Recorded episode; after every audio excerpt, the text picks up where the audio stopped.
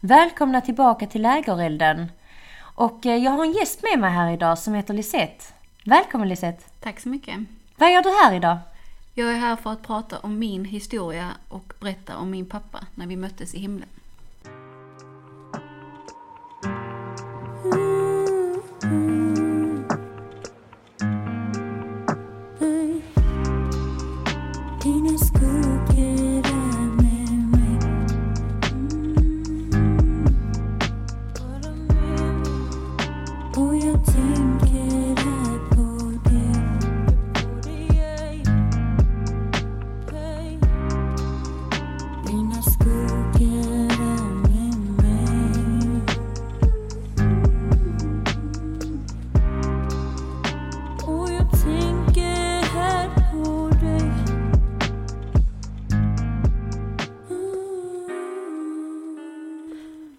Min började när jag bodde i Östersund 2009. Och tyvärr var det ingen som trodde på mig att jag inte mådde så bra. Utan man såg mest mellan fingrarna och tyckte att jag inbillade mig. Man gjorde en del undersökningar som inte var så trevligt. Och varje gång kom man fram till att det var ingenting. Det var väldigt påfrestande för mig. Efter några år flyttade jag tillbaka ner till Skåne, i Lund, och blev då inskriven på Måsens vårdcentral och fick då äntligen träffa min läkare som hette Eva-Lotta. Som såg att det inte var så bra och hon gav sig verkligen inte och hade svar på att det var någonting. Då hade jag många problem med torra slemhinnor, ögon, mun, näsa och underlivet. Plus mycket värk i min kropp. Vad man inte visste då var att jag hade för mycket cellförändringar på grund av torra slemhinnor. När jag blev 23 år gjorde jag mitt första cellprov och då såg man att det var förändringar som visade att jag hade cancer i grad 6. Där och då startade min resa. Jag visste inte vad som skulle hända, för allt var ovisst. Jag fick ett brev om detta och tid för operation, men inget mer. Och det känner jag idag, att man kunde gjort allt annorlunda och istället fått en tid för att träffa en läkare och få allting förklarat vad som skulle hända. Kommer jag återkomma mer till detta.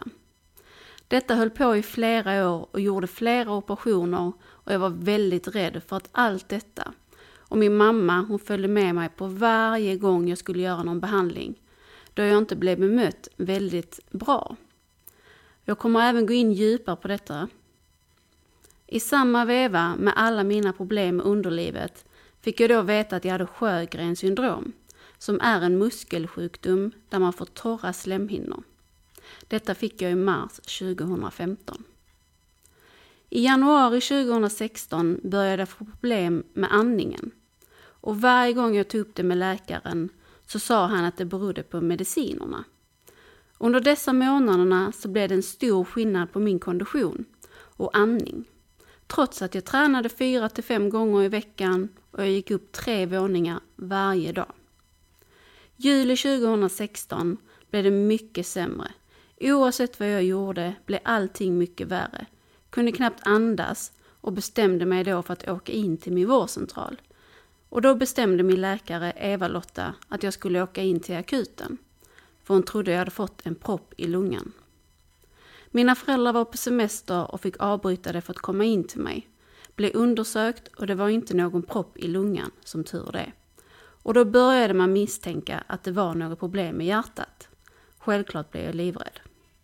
Blev inlagd och det var det sista jag ville, för jag skulle gå på dejt med en kille som jag precis hade börjat träffa.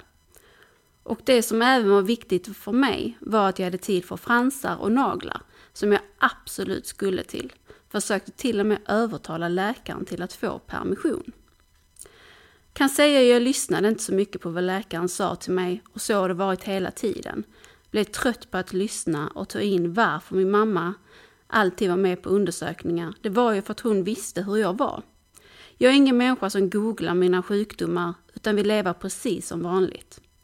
Läkaren lyssnade på mig om permissionen men sa till mig, du behöver inga fransar eller naglar för du är lika vacker ändå. Detta minns inte jag utan min mamma berättade det för mig. Detta var en måndag och jag blev inlagd på hjärtintensiven till att börja med när man upptäckte att det var hjärtat. Utan man började misstänka att det var något annat. Man sa inte så mycket och det var för att man inte ville skrämma mig. Det Blev väldigt mycket undersökningar och prover. Till slut kallade man in överläkaren från hjärt och sviktmottagningen. Han var på semester men kom in för min skull. Blev då nedsövd och fick göra en hjärtkatetisering. I normala fall är man vaken när man gör det. Men eftersom jag var så nervös så valde man att jag skulle få sova lite. Det man gör då är att man tar en lång nål och sticker in i halsen för att sedan gå ner i lunga hjärta för att mäta flödet. Och när man är vaken är det inte så trevligt för man får slangen upp och ner och känner det.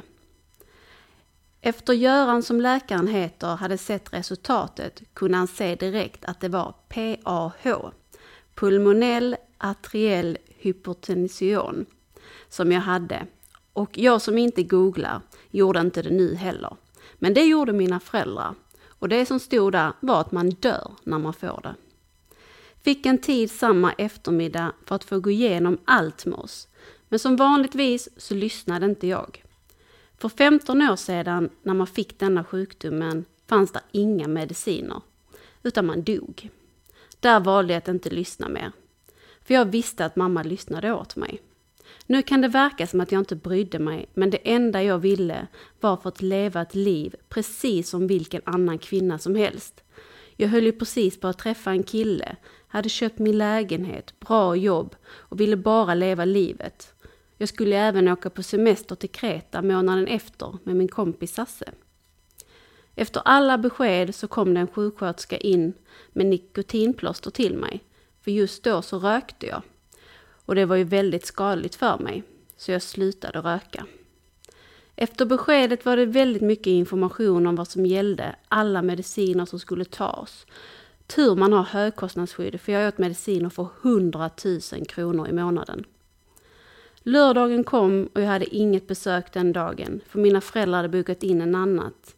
Och jag tyckte det skulle bli lite jobbigt att vara själv. Men jag tyckte de skulle göra det. Då kom Göran in till mig som var min läkare. Och där kom nästa smäll. Han sa till mig att jag inte fick lov att bli gravid. Inte bara nu, utan för alltid. Min värld rasade inte riktigt, för jag hade inte tänkt att få barn på ett tag. Men jag träffade ju faktiskt en kille som ville ha barn en dag. Det var väldigt mycket känslor den dagen. Den kvällen så kom min syster och även min bästa vän Sasse. Många tårar och tankar, besvikelser som kom då.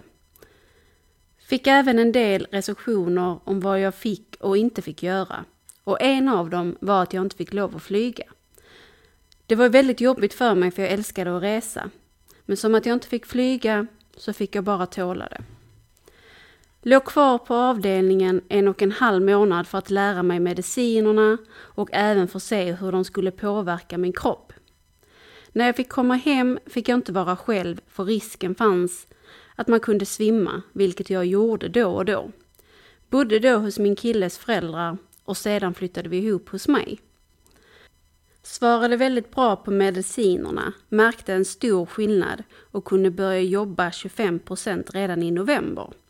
För att sedan komma upp till 50% i januari.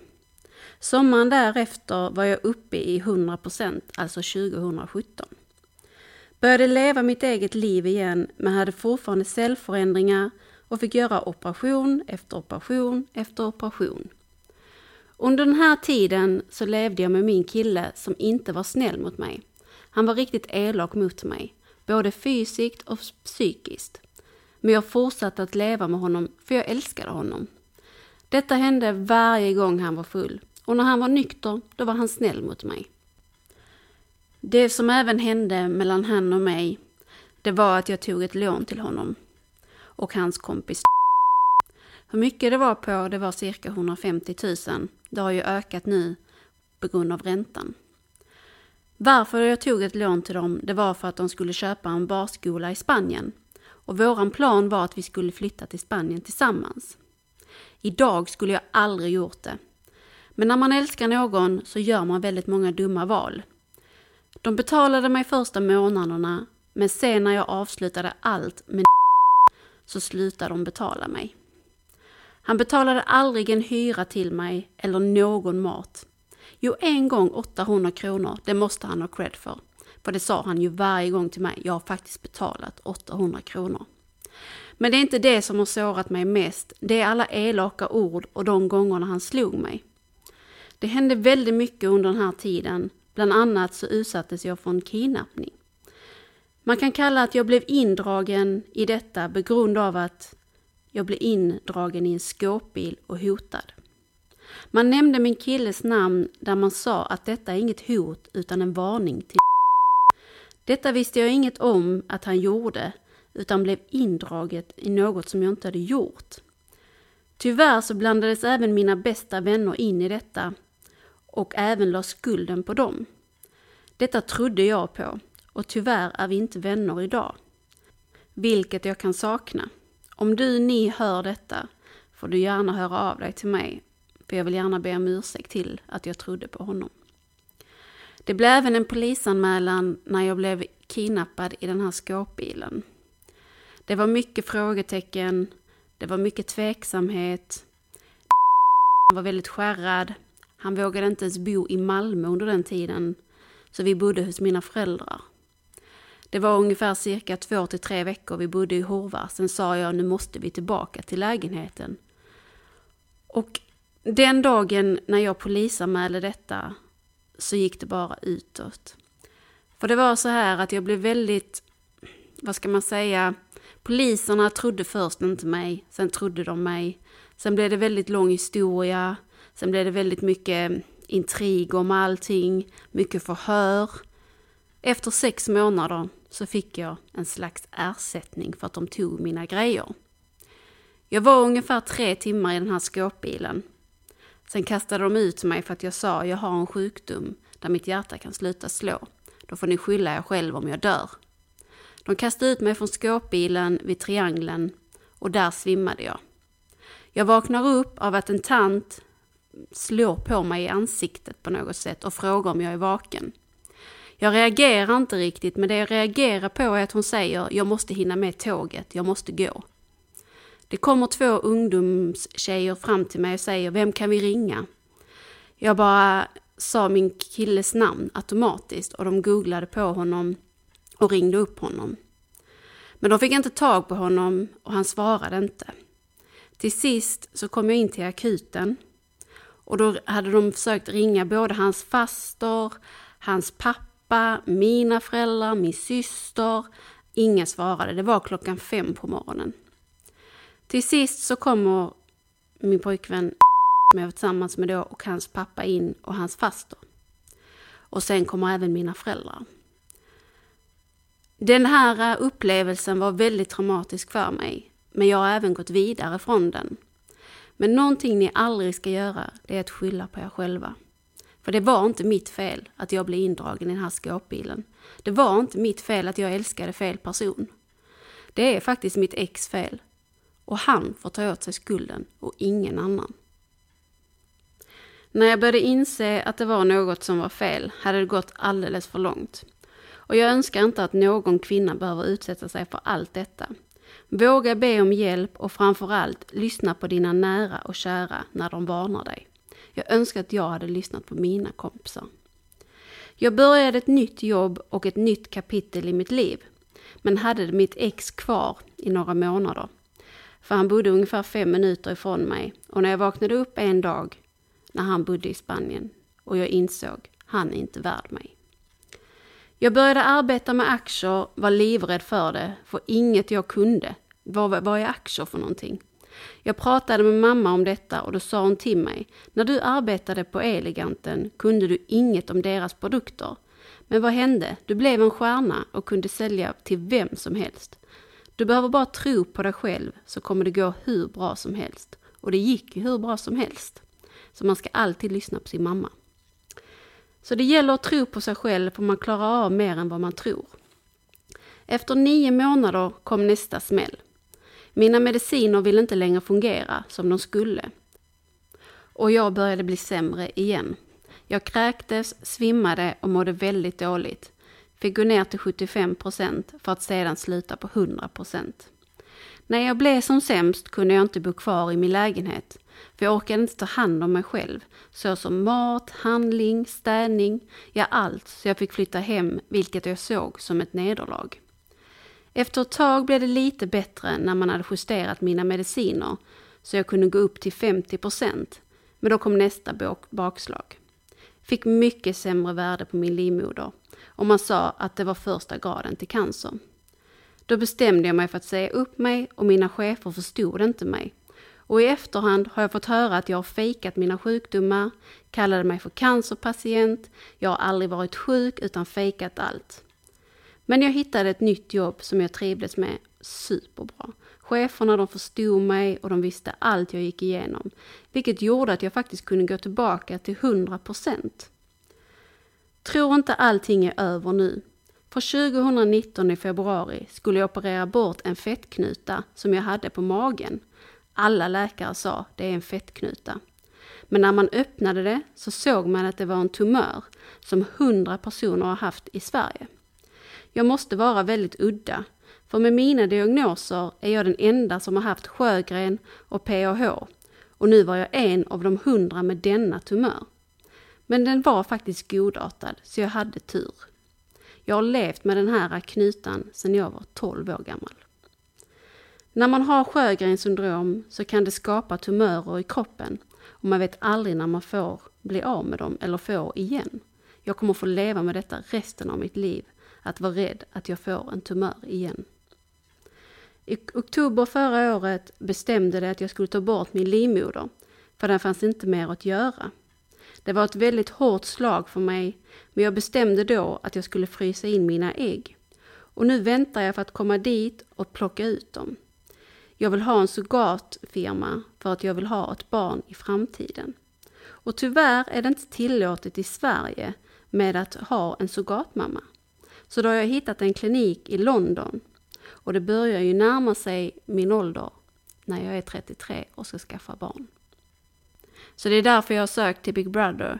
Både för att det är en dröm att få vara med, men även för att vinna priset så jag kan åka till London.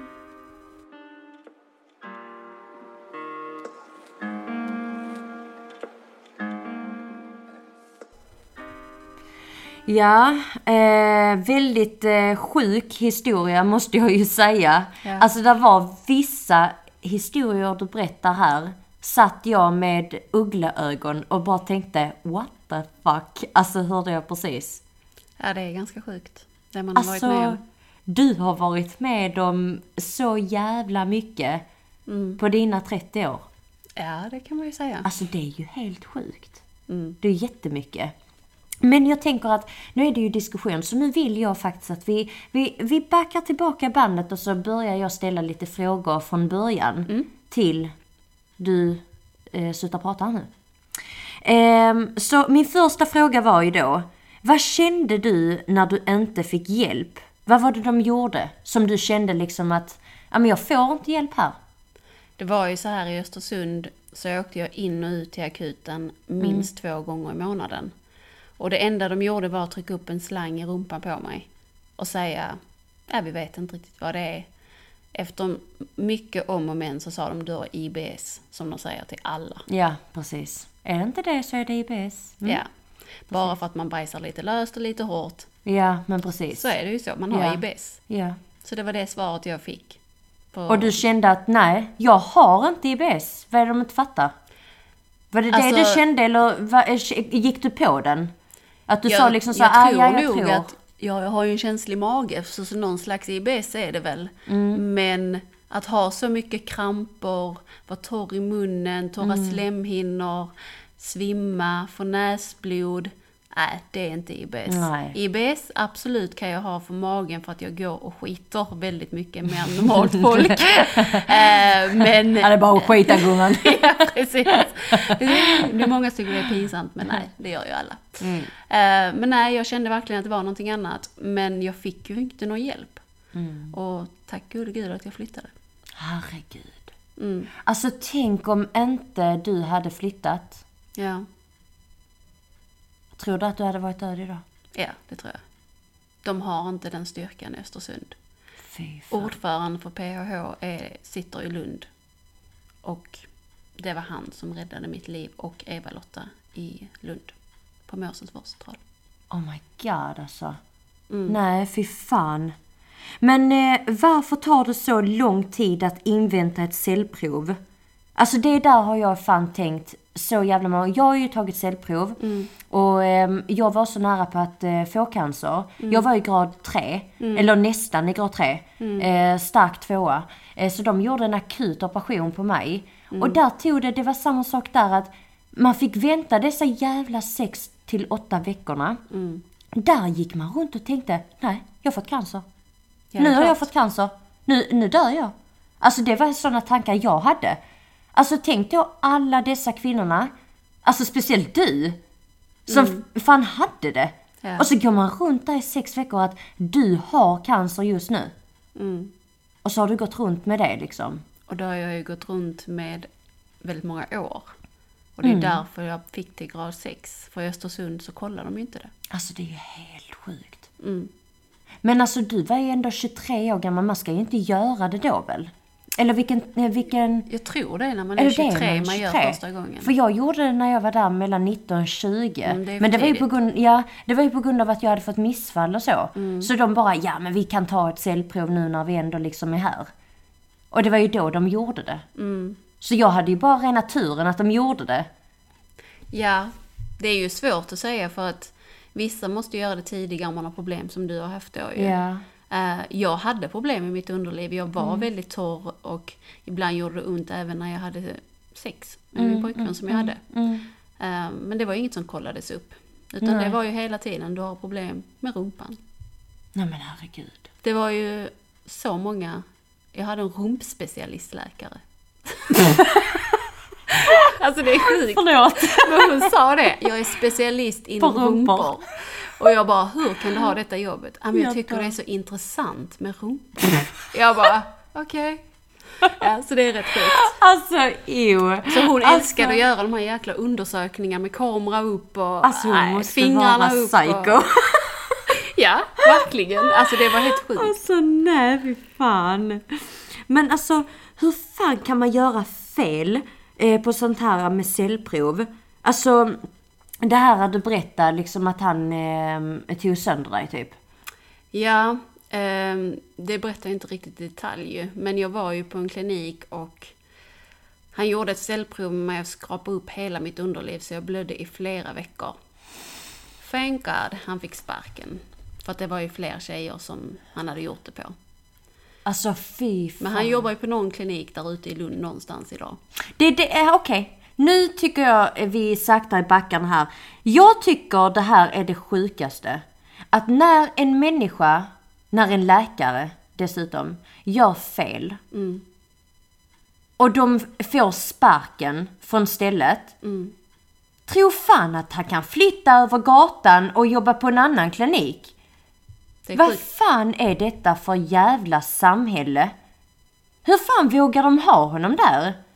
Det förstår inte jag heller. Det är ju helt jävla sjukt. Så många unga tjejer som har blivit skärrade och rädda tack vare honom.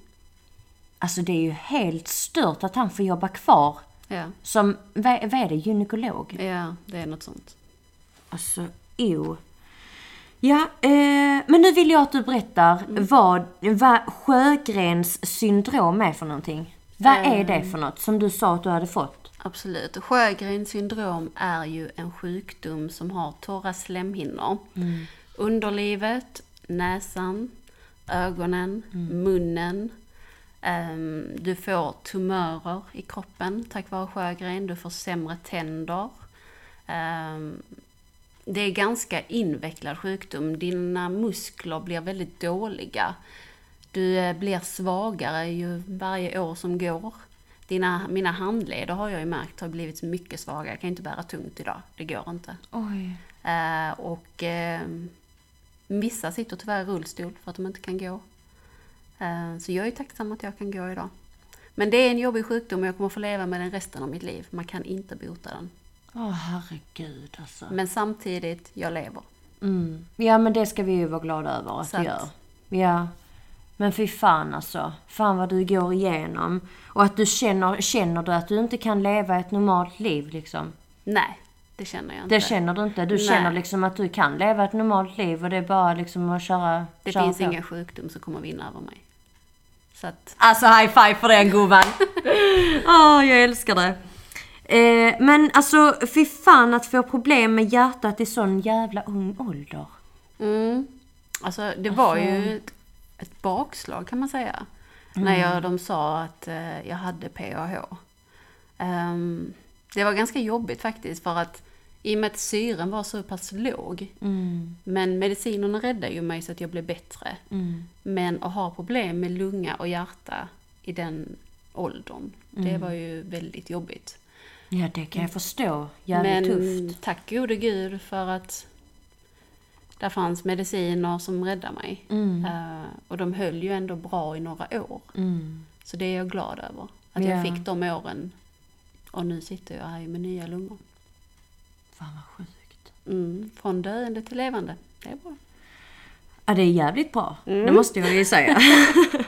Men alltså fy fan. Men finns det någon förklaring eh, till ditt eh, hjärt och lungfel? Alltså rökade du eller vad, vad, vad, vad gjorde du? Jag finns rökade. det någon förklaring liksom till det? Jag rökade ju absolut, det gjorde jag. Men det var ju inte va- därför jag fick PAH eller Sjögrens syndrom. Okej. Eh, det har de ju förklarat för mig. Okej, så det har inte ens med det att göra? Nej, mina Okej. lungor var fina. Fast jag var rökare väldigt många år. Eh, men ingen i släkten har ju sjukdomarna så de vet ju inte varför jag fått det. Eh, Så ju- detta är en ehm, sjukdom som typ ligger hos släkten? Nej, ingen i min släkt har haft den sjukdomen. Okej. Sen vet vi ju inte långt bak. Det kan vi ju inte Mm. svara på. Men det jag vet är att jag är den enda i Sverige som har haft PAH och Sjögren samtidigt. Oh my god. Är du den enda i Sverige?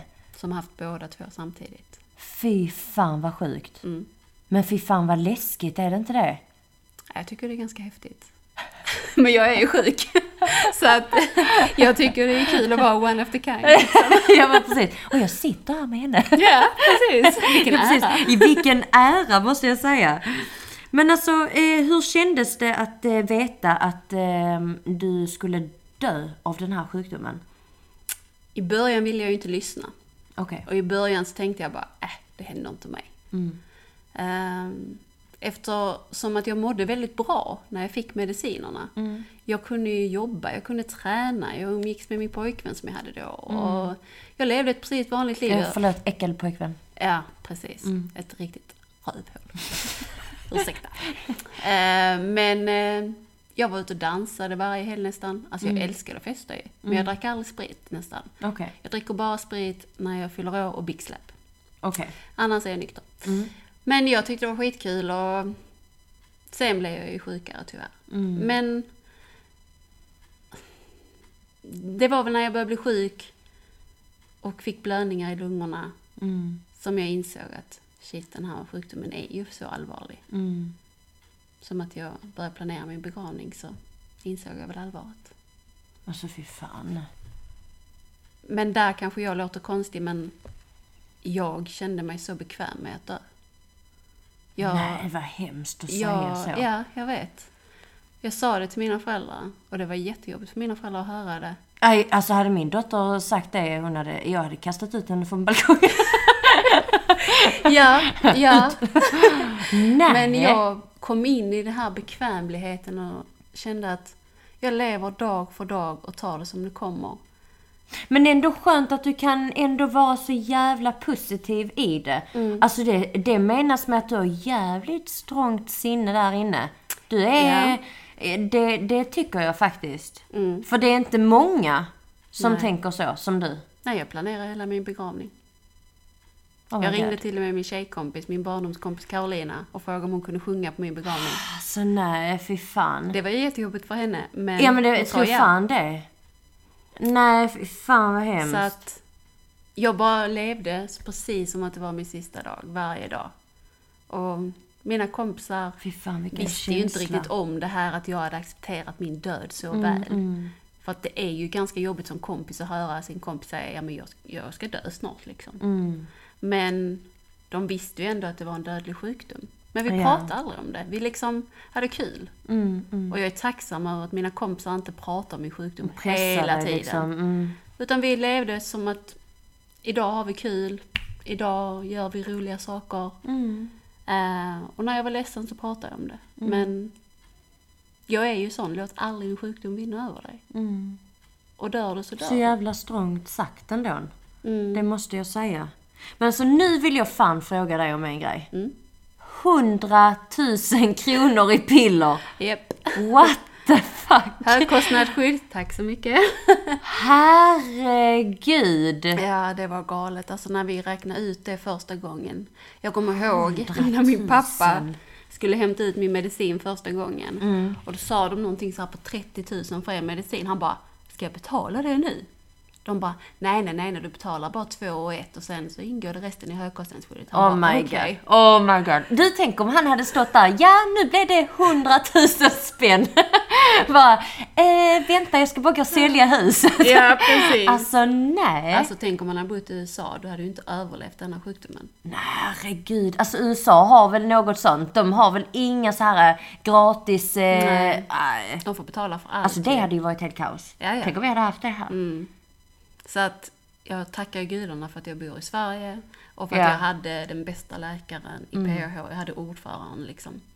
Gud vad nice. Mm. Då måste att- du känt dig jävligt trygg i alla fall. Ja, I trygga faktiskt. händer. Jag Mm. gjorde det. Och det var väldigt skönt att veta att jag hade de bästa läkarna. Mm, det är klart. Alltså jag- Alltså det här gäller ju liv och död. Du måste ha de bästa läkarna. Ja. Det är så många som klagar på sjukvården idag, men jag har aldrig klagat på sjukvården. Förutom det i början. Ja, Östersund, Mm. ni är inte bra. Men eh, Skåne, ni är bäst. så att, eh, Ja, jag där- Skåne. Mm, så jag kan faktiskt aldrig klaga på sjukvården Mm. som jag har haft i Skåne. Alla har varit fantastiska. På vilken avdelning jag än har varit på. Jättekul att höra. Mm. För annars brukar man faktiskt höra att eh, de är bajs. Ja, Mm. faktiskt. Men jag har haft sjukt bra personal. Mm. Oavsett vad det är för sjukdom jag har haft. Så har jag haft jättebra läkare. Mm. Och tack vare det så har man ju klarat allting mycket bättre också. Mm. För man har ju mått bra av att ha läkare som bryr sig. Mm. Självklart. Mm. Herregud. Men eh, nu vill jag veta hur du, alltså hur det kändes för dig Mm. att få reda på att du inte kunde bli gravid när du var 26 år gammal. Mm. Det var ju ganska jobbigt i och med att jag hade ju börjat dejta en kille då. Ja, Och han ville ju ha barn, det visste jag. ja precis. Och jag ville ju ha barn, men inte då. Nej. Så då tänkte jag inte så mycket på det. Mm. Men ju längre vårt förhållande gick in, alltså i flera månader vi var tillsammans, Mm. så blev det ju lite snack om barn. Mm. Så jag var tvungen att ringa det samtalet till honom efter jag hade varit hos läkaren en gång och han sa till mig tydligt, du kommer aldrig kunna skaffa barn Lisette. Och ringa det samtalet till ens pojkvän som han hade då, det var jättejobbigt. Mm. Det För jag tänkte, jag. nu kommer han göra slut med mig. Mm. Men på något sätt så sa han att vi tar det som det kommer. Mm. Det var ju skönt. Mm. Ehm, men det var ändå jobbigt som Klart. kvinna att ta bort sin livmoder. Hela kvinnligheten måste ha försvunnit där känner Ja. jag. Alltså hade det varit jag, jag hade känt så. Kvinnligheten hade försvunnit från mig. Mm. Alltså veta att min livmoder en dag kanske försvinner. På grund av allting som hände mig. Mm. Ah, fy. Nej, jag tycker vi ska fasen ta upp det här ah, med din kidnappning alltså. Mm. Absolut. Alltså fy fan, måste jag säga. Till en början. Mm. Jag säger alltid känns som. Men fy fan. Nej men ni förstår inte mig som sitter här bak och lyssnar på dessa sjuka historier. Nej. Men alltså det här med kidnappningen. Mm. Alltså jag kan inte leva mig in i detta. Jag Det tycker det ganska är svårt. så jävla sjukt. Tänk dig att du går där ute på gatan och lallar. Nu ska du gå dit där eh, till en affär hem. eller vad fan du ska. Och sen så helt plötsligt så kommer det en skåpbil Mm. och bara kastar in dig i bilen. Mm. Ja, Alltså mitt hjärta hade ju fan dött alltså. ja det, det var ju att jag hade varit på eh, ett ställe på Moriskan i Malmö Mm, med jobbet. mm, Och jag skulle åka hem, klockan var kanske halv ett någonting mm, på natten. Och eh, det var ju Folkets Park, jag skulle ta bussen. mm, Och jag tänkte, åh, sju minuter, då hinner jag gå till Nobeltorget, slipper jag frysa. mm, I och med att det var oktober månad. mm. Eh, sen kommer jag mellan Folkets Park och Nobeltorget och så kommer det en vit skåpbil. Och så slänger de in mig. Fyra stycken och en som körde. Alltså fy fan. Kör de runder dig eller? Ja. Det gjorde de? Mm. Det enda jag tänkte på, i och med att jag precis nästan hade fått min sjukdom PAH, Mm. jag visste ju inte hur mitt hjärta skulle reagera. Åh nej herregud. Så det alltså. enda jag sa, alltså tänkte hela tiden och sa också flera gånger, alltså jag har ett dåligt hjärta. Jag vet inte om jag kommer dö. Alltså snälla släpp av mig. Jag sa det nu minst 20 gånger. Alltså gjorde de någonting? La du bara där på golvet eller slog Eh, de dig? de eller eh, vad, vad höll gjorde ju de? Mm. hårt i mina handleder. Eh, och sen så tog de av mig mina byxor. Som var jättekonstigt. Eh, men det var aldrig någonting värre så.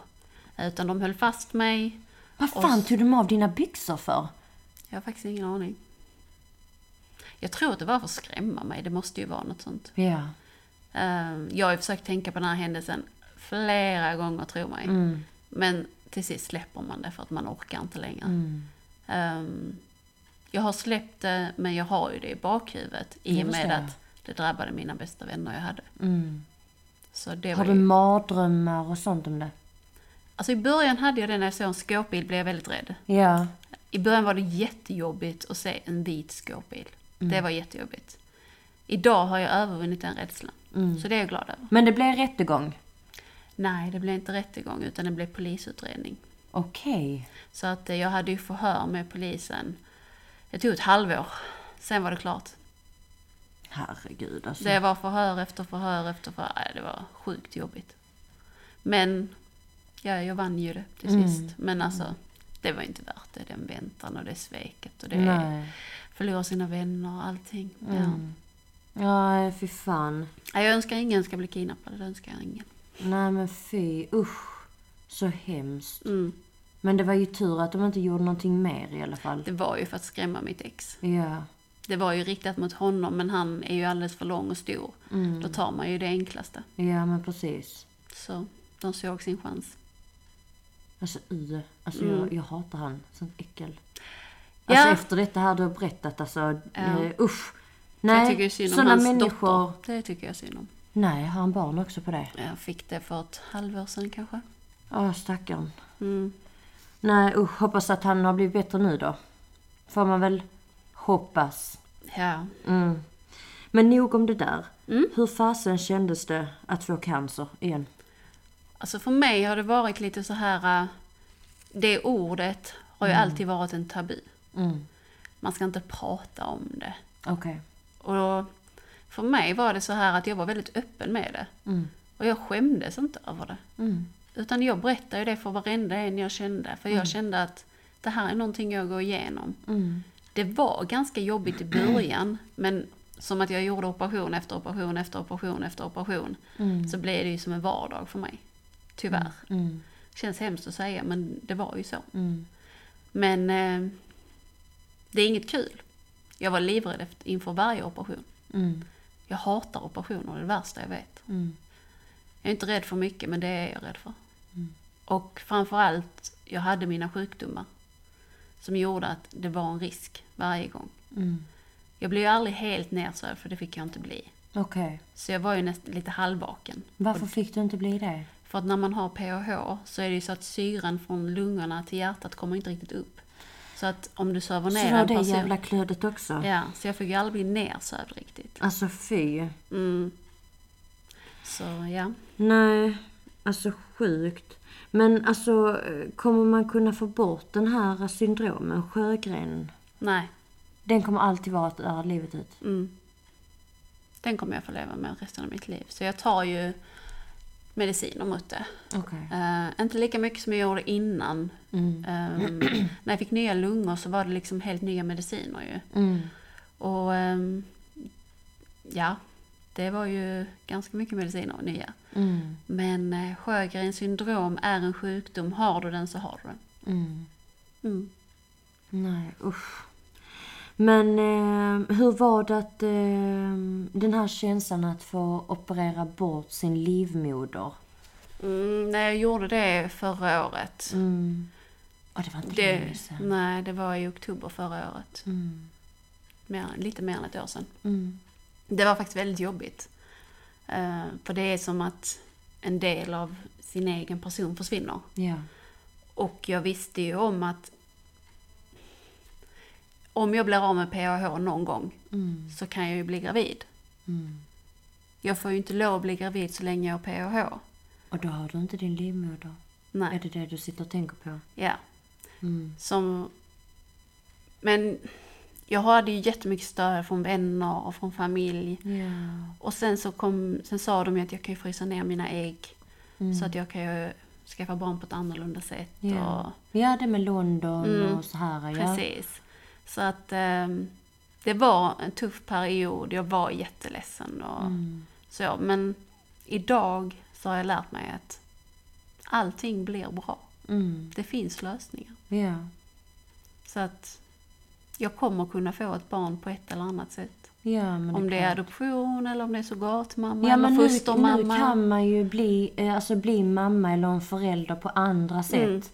Eh, förr kunde man ju inte riktigt Mm. Nej, det. precis. Så att eh, vi har ju ändå så många fördelar. Vi har ju det.